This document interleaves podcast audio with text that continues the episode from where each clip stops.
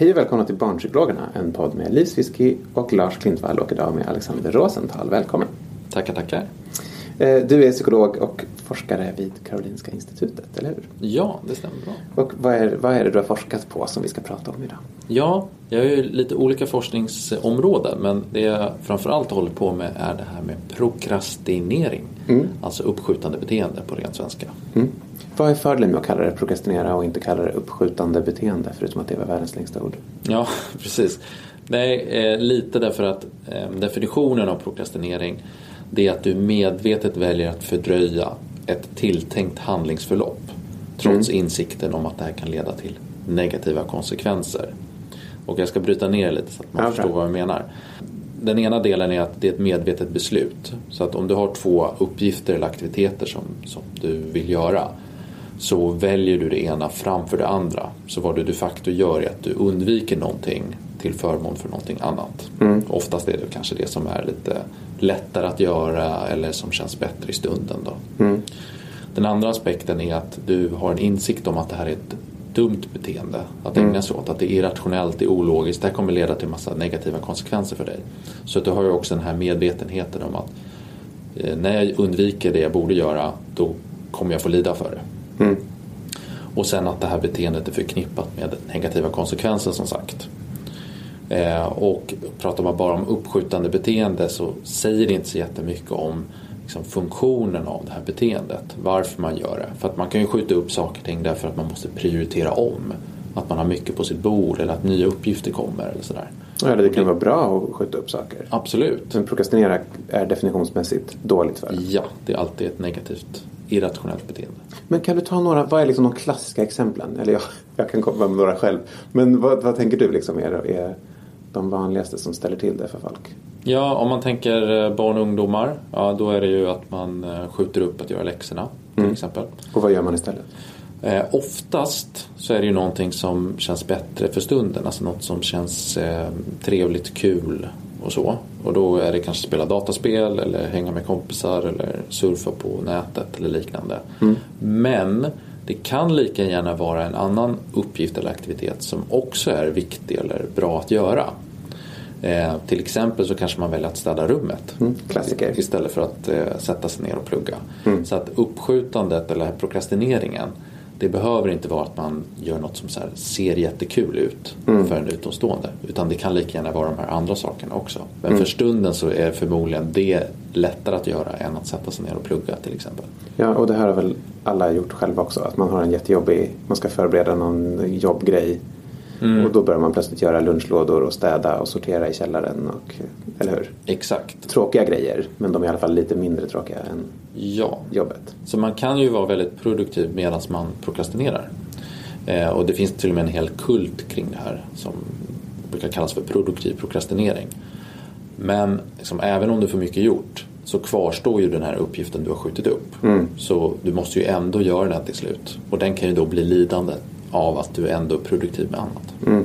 Och de andra grejerna är väl inte lika akuta egentligen. Nej, alltså du kan vänta med att städa eller göra de här matlådorna till Ja. exempel. Medan jobbuppgiften eller läxan måste in imorgon eller vad det kan vara för någonting. Ja. Vad, vad brukar bli de långsiktiga negativa konsekvenserna som du sa? Mm.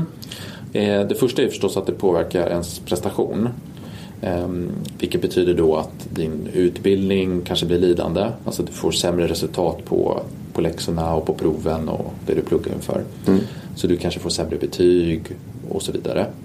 Och är det ett jobb, ja, men då kanske du presterar sämre på jobbet. Du får inte en befordran, du får inte samma löneutveckling och så vidare. Men den vanligaste anledningen till att folk tycker att det här är ett problem det handlar snarare om de psykiska aspekterna. Det vill säga att du blir väldigt stressad av det. Inte för stunden för då känns det lättare. Men på lång sikt så har du ju kvar uppgiften du måste göra. Och det leder till ökad stress över tid. Och dessutom dåligt samvete och många rapporterar oro och ångest över det. Kommer jag klara av det här i tid och så vidare. Så att man ser en korrelation eller ett samband då med psykisk ohälsa. Så ju mer man prokrastinerar desto större problem verkar man ha just med oro och ångest. Och det kan i sin tur också leda till depressiva besvär om man känner att man liksom klarar inte av att ta tag i något. Men ja, precis, jag bara tänker eh, hur jag själv gör när jag prokrastinerar. Det är ju att, att jag... Eh, bör, måste tacka nej till liksom, sociala aktiviteter exempelvis. Mm. Att jag skulle vilja gå ut och typ, ja, nu kan man inte göra det, men typ ta en öl med en kompis. Men jag måste tacka nej för jag har suttit och kollat på YouTube hela dagen om pansarvagnar istället för att förbereda min föreläsning. Just det. Och därför måste jag nu fortsätta kolla på YouTube hela kvällen till klockan ett på natten när jag faktiskt börjar Mm. jobba. Och då måste jag tacka nej till en massa saker. Och gör man det där tillräckligt mycket så får det väl att man liksom, ja, men, man tar bort allting som är kul i livet och bara håller på med det här prokrastinerandet istället i någon extrem version. Mm. Och då blir man väl deprimerad till slut. Absolut. Det beror ju lite på vad man gör istället för att ta tag i Mm. de här viktiga sakerna. Så för dig så kanske det är väldigt mycket egna aktiviteter som du gör i, i din, liksom, själv, i din ensamhet. Just det, man kan också prokrastinera genom att gå och dricka öl med en kompis. Ja, Mm, exakt. sant. så göra saker med andra. Ehm, så det beror lite på. Men däremot kan man ju tänka sig så här, när deadline närmar sig och du verkligen måste ta tag i uppgiften. Ja men då kanske du tackar nej till de här sociala aktiviteterna. Eller du går miste om saker som du hade kunnat göra om du satte igång i tid. Mm, just det. Så, det, så det finns absolut en sån, sån relation där. Men det finns, en, det finns i alla fall en korrelation mellan hur mycket man prokrastinerar och psykisk ohälsa. Ja, Mm. precis. Och då är det stress, och oro, ångest och depression som verkar vara det som korrelerar starkast. Mm. Vad sa du? Stress? Oro, äh, ångest och depression. Ja, just det. Nej, men du utvecklar inte liksom hypokondri på grund av Nej, precis. Mm. Nej. Ja, men typ sömnbesvär? Ja, det finns inte så många undersökningar kring det. Eh, men det som är lite intressant med sömn är ju att dels kan man tänka sig att eh, om du är väldigt stressad och orolig, ja, då påverkar det sömnen negativt. Mm. Men man kan också se eh, ett slags prokrastineringsfenomen eller beteende som handlar om att man fördröjer när man ska gå och lägga sig. Att liksom det kan bli en prokrastinering i sig. Och då får man ju förstås problem med sömnen för att du går och lägger dig för sent. Mm. Och få för få timmar. Liksom. Ja. Vad är liksom modellen eller förklaringen till varför man gör det här då? Det verkar Mm. helt obegripligt annars. Ja, det är ju ett eh, totalt eh, ologiskt eh, beteende för att du kommer få sona för det. Men eh, det finns en väldigt bra pedagogisk modell som bygger på forskning inom inlärningspsykologi och framförallt beteendeekonomi. Beteendeekonomi är helt enkelt hur man kan eh, förstå mänskliga beslut utifrån psykologi kopplat till olika typer av ekonomiska eh, aspekter i livet. Mm. Alltså det är som att göra ett ekonomiskt beslut. Ja. Ska jag kolla på YouTube eller ska jag förbereda föreläsningen? Exakt. Mm. Och den modellen menar då på att vi prokrastinerar på grund av eh, låg motivation. Men låg motivation är väldigt abstrakt. Liksom, vad är det? Eh, och då behöver man bryta ner det i mindre delar. Och då är det fyra faktorer som är intressanta. Och det första är att det måste finnas ett tillräckligt högt värde i det vi gör. För att vi ska vara motiverade. Mm. Alltså i det önskvärda beteendet. Ja. Göra att- läxan. Exakt. Så att om vi tar göra läxan som ett exempel så måste det ju finnas någon belöning för att göra den. En morot, ett incitament. Mm. Annars kommer vi inte vara intresserade. Eh, Och den moroten den kan ju vara eh, inre eller yttre.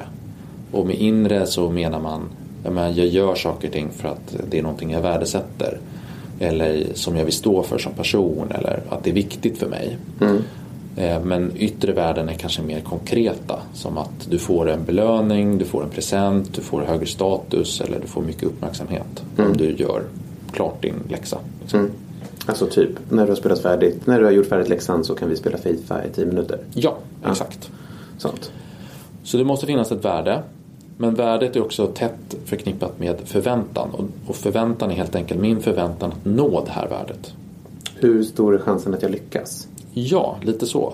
Att tänka i termer av eh, vad har jag för tidigare erfarenheter av liknande uppgifter? Har jag klarat av läxorna tidigare? Eller är det här alldeles för svårt för mig? Jag vet inte var jag ska börja. Man kan också lägga in saker som självförtroende, tilltro till sin förmåga. Alltså sådana aspekter.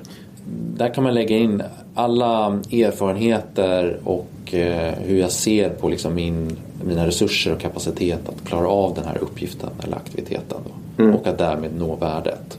Och då brukar man tänka så här att klassisk ekonomisk teori alla beslut vi fattar bygger på att jag kan kalkylera värdet av olika saker och min förväntan att nå de här värdena. Liksom, vad är mest sannolikt? Mm. Men det är lite förenklat för vi funkar inte riktigt så som människor. Vi är inte så logiska. Och därför bygger den här modellen också på en tredje faktor som är tid.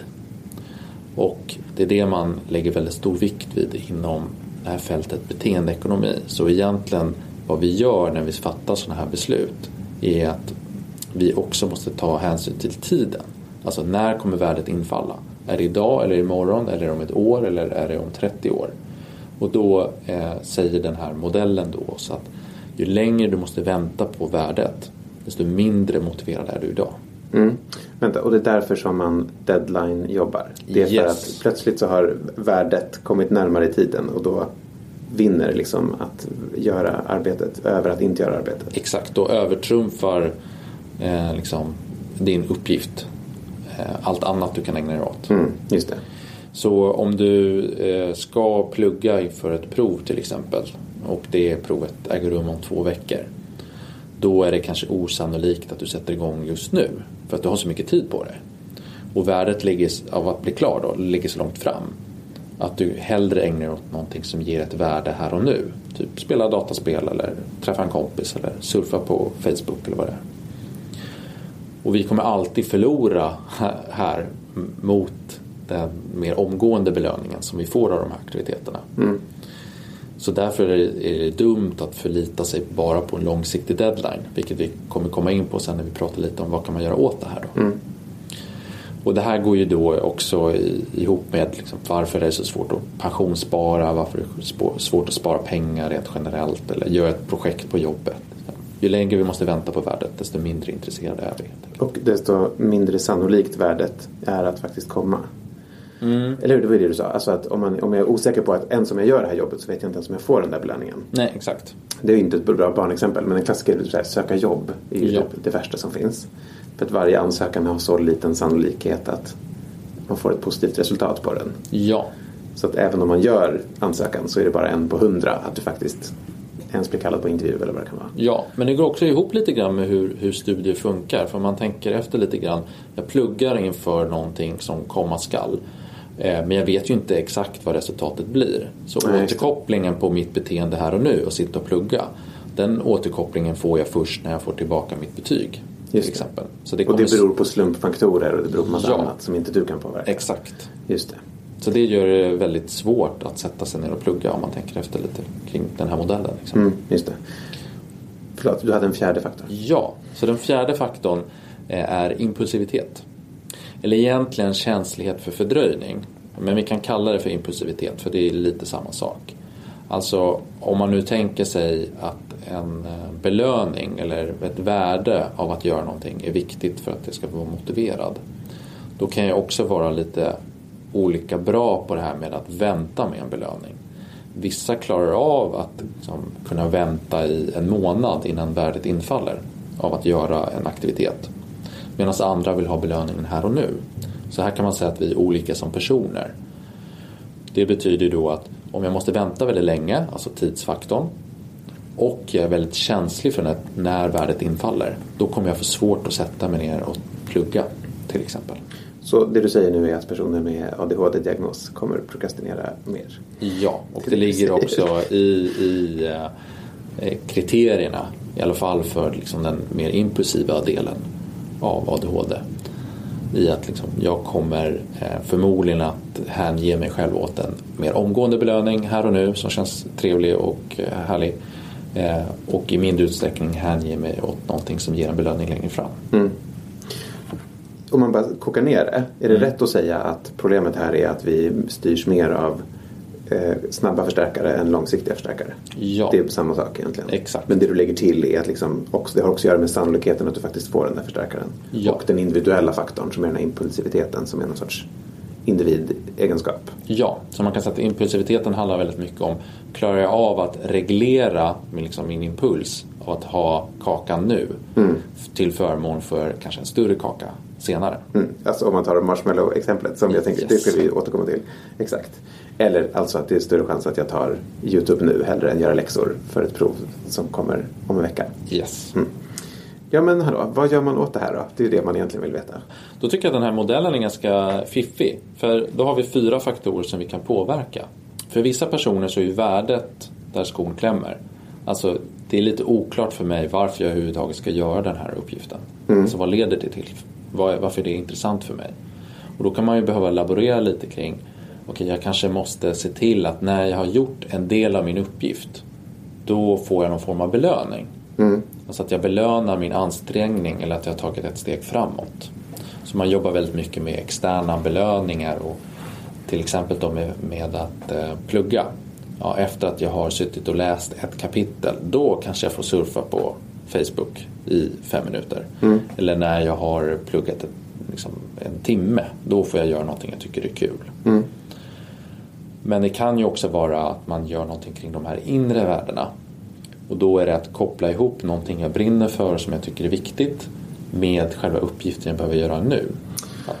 Alltså typ långsiktiga mål eller? Ja, typ om jag klarar av det här provet som jag pluggar inför då får jag ett bra betyg och det bra betyget leder till att jag kanske kan söka eh, den, till en gymnasieskola eller den eh, utbildning på universitet som jag vill läsa. Mm. Och det i sin tur hänger ihop med det jag vill jobba med i framtiden. Eller någonting i den stilen. Ja vadå, hur gör man det där? Hur kopplar man ihop det? Ja, det är lite klurigt och det är klart att det kräver ju liksom en förmåga över att re- reflektera över vad som jag tycker är viktigt i livet. Eller vad jag brinner för. Men man kanske har intressen och sånt som man tycker är intressant att ägna sig åt. Eh, oavsett om man får någon belöning för det eller inte. Och sen försöka se det som en slags kompassriktning eller någonting man kan navigera efter. Så till exempel om jag som psykolog tycker att det är väldigt viktigt för mig att hjälpa andra människor.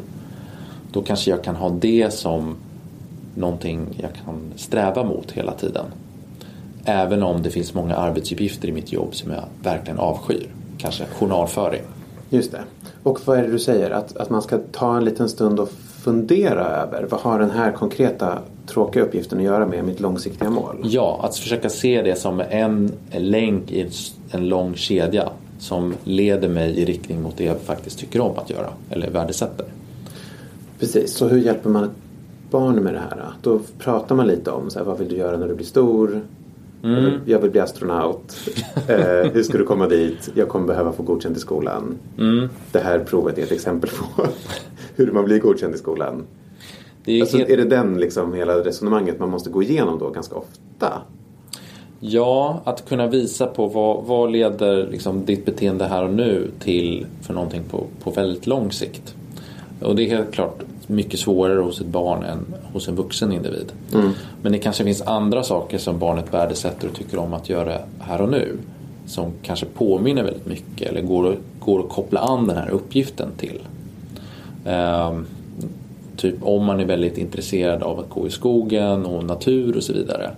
Kanske går det att hitta en koppling mellan liksom, det intresset och uppgifter inom NO-ämnen. Ja, ja, ja. Okej, nu är jag med.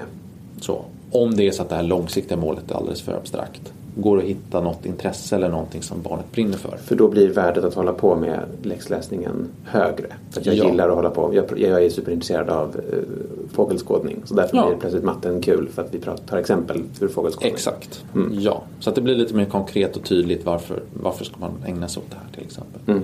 Men det är helt klart så med, med barn att det är svårare med de här inre värdena och lättare att jobba med yttre värden. Och det är typ belöningssystem som du sa. Ja, När du precis. läst ett kapitel så får du eh, spela Fifa. Ja, och då finns det här klassiska exemplet som är, brukar kallas för farmors lag. Inom psykologi pratar man om premaxprincip. Alltså att man tar en aktivitet, något barnet gillar att göra mycket och ofta. Eh, Och använder Typ det. skärmtid, eller spela eller någonting, Spela spel, eh, umgås med kompisar, spela fotboll och vad som helst. Mm. Att man använder en sån aktivitet som görs mycket och ofta som en belöning för det, den aktiviteten eller den uppgiften som görs väldigt lite och sällan. Mm. Så först plugga en timme, sen skärmtid i en kvart eller någonting i den stilen. Mm. Eh, då ökar man ju värdet på den här tråkiga uppgiften. Men man lär också barnet se en koppling mellan anstränger jag mig så leder det till någonting jag vill ha. Mm. Och det kan i sin tur internaliseras. Alltså sen bli en drivkraft för barnet själv. Det vill säga man kanske inte alltid måste belöna när man har tagit ett steg framåt. Men du pratar du långsiktigt? Ja. Man har gjort det här i en termin eller två terminer? Ja. eller? Man lär helt enkelt barnet att se att eh, anstränger jag mig så blir det belönande i sig. Ehm, ja, och den andra faktorn som du sa, förväntan. Hur stor Mm. chansen är att jag får den där belöningen? Precis, så nu har vi pratat mycket om värdet. förväntan är ju då kanske mer att jobba med vilka föreställningar har personen kring sitt arbete och uppgiften. Alltså det, det här är väldigt svårt, kanske är ett exempel. Okej, går det att bryta ner uppgiften då så att den blir enklare? Eller går det att bryta ner i mindre delar så man kan ta sig an varje enskild del? Det som oftast händer med, med uppgifter som är svåra och tråkiga det är att man ser bara hela, hela massan av, av liksom saker som ska göras. Men det är kanske enklare att börja med en enskild liten del. Och när man har gjort det så brukar det oftast få motivationen att öka så pass mycket att man kan ta sig an nästa del och nästa del. Mm. Och precis på samma sätt kan man tänka sig att en person som har lågt självförtroende eller känner att det här är alldeles för avancerat, jag klarar inte av det här. Om man bara får se att man har tagit ett steg framåt så brukar det sätta bollen i rullning och så kan man fortsätta.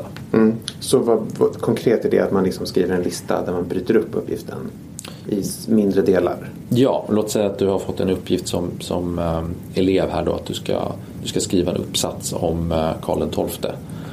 Eh, Okej, okay, det är jättesvårt, det är krångligt, jag vet inte var jag ska börja. Okej, okay, men ehm, eh, vi kanske bara kan sätta ut rubrikerna. Ungefär vad tänker du att vi skulle behöva ta upp för att beskriva Karl XIIs liv? Mm. Ja, födsel, krigsår, död. Mm. Eller något i den stilen.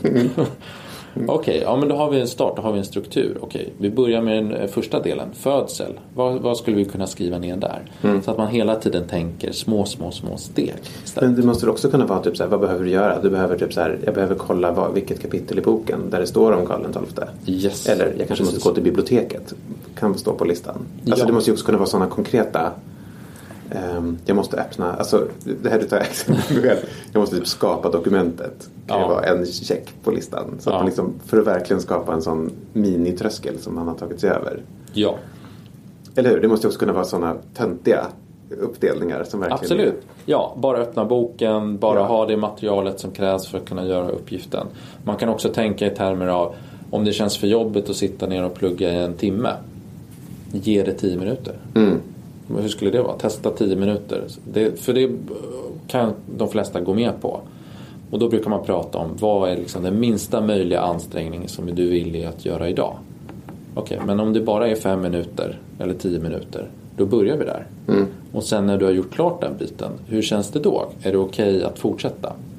Så att man inte liksom går på den här initiala känslan av att det här är svårt, det här är jobbigt, det här är tråkigt. Utan ja men okej, okay, det är det. Men jag kan gå med på att göra det här i fem minuter. Mm. Och har man gjort det då kommer man oftast över den här tröskeln och då brukar det vara ganska lätt att fortsätta. Mm. När man skriver sådana här listor, eller när man mm. bryter upp det på det här sättet. Eh, då har jag hört någon säga någon gång att man det, det, ett vanligt problem som folk har är att de tror att de ska ta den svåraste grejen på listan först. Mm. För att man ska bli av med den på något sätt. Och att det man egentligen ska göra är att man ska ta den enklaste grejen på listan först. Ja. Är det så? Ja, det skulle jag säga. Eh, det finns helt klart människor som jobbar med svårast först. För då får man en nedförsbacke. Mm. Men om man har problem med prokrastinering. Då är det mycket bättre att börja med det lättaste först. För vad du vill egentligen få ut av ett sånt upplägg är att se att du har tagit ett steg framåt. Mm. För det ökar din motivation. Så hela tiden tänka små steg för att få en snabb återkoppling, alltså en snabb belöning. Mm. Och därmed då komma in i en, en uppåtgående spiral, en, en, liksom en positiv spiral. Mm. Alltså jag brukar tänka så här, om du ska bestiga ett berg mm. då kommer du förmodligen bli avskräckt om du bara ser okej okay, jag är nere vid foten på berget och jag ska upp dit. Mm. Men om du snarare ser, okej okay, men den första etappen är till, uh, inte vet jag, uh, tusen meters höjd. Just det. Okej, okay, det är det jag ska klara av. Mm. Och när du har gjort det, då kan du fundera över vad är nästa steg? Ja, det är till 2000 meters höjd. Just det. Nej, men och om man har, säg att man konkret faktiskt har ett gäng matteuppgifter i en mattebok. Mm. Då kan man ju säkert göra en ganska snabb bedömning av det här är de svåra matteuppgifterna, det här är de enkla matteuppgifterna. Ja. Då säger du att man ska verkligen börja med de enkla. Ja. Och kryssa dem på listan liksom först. Ja, utifrån en idé om att man ska öka motivationen. Sen kan det finnas andra anledningar till att man ska strukturera på ett annat sätt. Liksom, det är kanske någon princip man lär sig om man gör ah, de svåra ja. uppgifterna. Men om man bara tänker att det är svårt att komma igång med en uppgift. Då är det bättre att få en återkoppling på att men jag har ändå tagit ett steg framåt. Mm. Så man tänker sig att, att förväntan blir då mycket att jobba med föreställningar och liksom självförtroende och bryta ner svårt i lätt. Så att man känner att man lyckas och känner att man är på väg. Och liksom. Ja, då kan man tänka att tid handlar mycket om att inte förlita sig bara på en enda deadline utan många små mål. Ja, för det som händer är ju oftast att vi människor tenderar att göra någonting som är belönande i stunden istället för det som är belönande på lång sikt. Och det hänger ihop med att vi har ju bara en enda deadline att förhålla oss till. Så eh, sådana här delmål till exempel är en väldigt bra strategi för att motverka den här processen. Då. Men det där delmål som man ställer upp Mm. för sig själv Mm. funkar väl inte? För att då fuskar man ju bara med de delmålen. Ja, Eller? Precis. Dels handlar delmål om att du ska få bättre översikt så det kan hjälpa dig med din problemlösning. Alltså du får en, en tydlig struktur att uh, använda dig av, en, en, ett sätt att navigera i din uppgift. Ja, men lite att del, dela upp det i, i, delar liksom. Ja, och då säger och- man de här ska jag göra först, sen ska jag göra de här, sen ska jag göra de här. Exakt, så det kan liksom sänka den initiala stressen man kanske känner över en uppgift. Åh, det här är alldeles för mycket. Ah, just det, men om jag bryter ner det så blir det lite mer lättöverskådligt. Men delmål funkar ju också så att när du har gjort klart ett delmål då kan du checka av det. Och det är ju ett sätt att få en återkoppling på att men nu har jag tagit ett steg mot mitt slutgiltiga mål. Det blir belönande i sig och då kan man gå vidare till nästa delmål. Så. Eh, problemet är, precis som du är inne på, att eh, man kan ju faktiskt fuska med delmål om det är bara jag som sätter dem. Så här kan man ju tänka lite, går de att kombinera med någon form av extern kontroll om det känns svårt? Alltså kan det finnas någon annan som jag stämmer av mot? Om det så är en förälder eller en lärare eller vem det nu är. Och samma sak om det är en vuxen, att det är en kollega eller partner eller vad det nu kan vara för någonting. Alla människor behöver deadlines att förhålla oss till. Annars eh, så kommer vi komma på, på avvägar.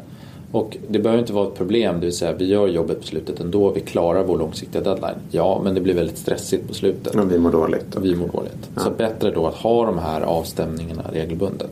Och märker man då, nej men det är svårt att förlita mig på mig själv. Okej, men då kanske jag behöver någon, någon annan person att stämma av mot då. Så, Och har bestämt liksom. exakt. Mm. Prokrastinerar folk mindre i grupparbeten tror du än individuella arbeten? Ja, det gör det. De gör det? Mm. Okej. Så det kan finnas en poäng att göra grupparbeten av den anledningen? Att det hjälper folk att faktiskt få ändan i vagnen? Liksom. Ja, precis. Okej.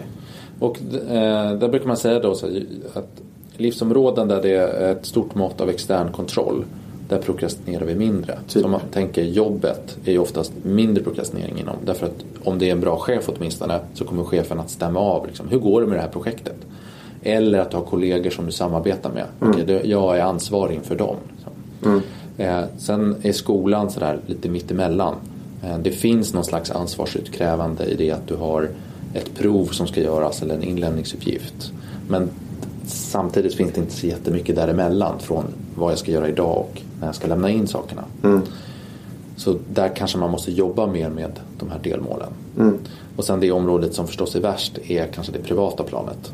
Alltså eh, börja träna, hålla eh, nyårslöfte, renovering hemma eller någonting. Det finns ingen extern kontroll, alltså kommer jag prokrastinera. Den sista faktorn, impulsivitet. Mm. Hur kan man, den låter ju inte som att man kan påverka. Jo, men typ medicin. Ja, precis. Om man tänker att det handlar väldigt mycket om att jag väljer en belöning här och nu istället för något som ligger längre fram. Vad är det för belöningar du väljer här och nu? Ja, men det är ju ofta sånt som distraherar dig. Så ta bort allting som inte är relevant för uppgiften du ska ta tag i. Alltså fysiskt. Fysiskt, det vill säga i bemärkelsen förflytta mig till en annan miljö. Så kanske bättre att sitta i biblioteket än hemma. Och om det är så att du måste sitta hemma, okej det kanske är bättre i köket än i mitt sovrum. Alltså hela tiden tänka, i vilken miljö har jag lättast för att ta tag i de här uppgifterna jag skjuter upp? Det andra är att man helt enkelt tar bort distraktioner rent fysiskt. Alltså eh, om det är ens telefon som stör för att man tar hela tiden upp den och ska kolla på inte jag, Snapchat eller Instagram. Okej, men eh, vad sägs om att ha telefonen i ett annat rum? Medan du pluggar. Medan du pluggar. Eller stänga av telefonen. Eh, på samma sätt ta bort alla notiser som dyker upp hela tiden. För det kommer pocka på din uppmärksamhet och göra att du, du ägnar åt någonting annat. Och om det är en dator du ska sitta och jobba framför. Ha bara det programmet som är relevant för din uppgift framme. Typ ordbehandlaren som Mm. du skriver i. Stäng av allt annat. Eh, Det här är ju såklart en lyx om man kan göra så. Mm. Tror du att det finns en poäng med att man har till exempel två datorer? En dator som man gamer på och en dator som man pluggar på. Ja, absolut. Eh, Det finns många författare som jobbar på det sättet. Jag vet till exempel att David Lagerkrans han har en dator utan internetuppkoppling. Det är sant. Det här är jag också. Jag gör som David Lagercrantz. Ja. Eh, Som man har avinstallerat drivrutinerna på nätverkskortet på. Ja, så att man inte precis. kan koppla upp. Precis. Ja, exakt. Så då kan du bara sitta och skriva, det finns ingenting annat. Ehm, nej, men jag tänker att det där är jättesvårt ju. Att man har alla sina spel på samma dator som man förväntas göra Ja, matten på. Skitsvårt ju. För du är en alt-tab bort ifrån att börja spela hela tiden. Eh, vad är det mer man kan göra? Mm, om man tänker sig att, att eh, jag fastnar mycket i annat som lockar. Eh, då kan man ju faktiskt försöka införa någon form av extern kontroll fast det inte känns som kontroll. Alltså hur skulle det vara att göra läxorna tillsammans med någon annan? Alltså två, eh, två klasskompisar sätter sig ner och pluggar hos, hos eh, någon av dem. Eller att man träffas på bibblan eller vad det nu kan vara för någonting.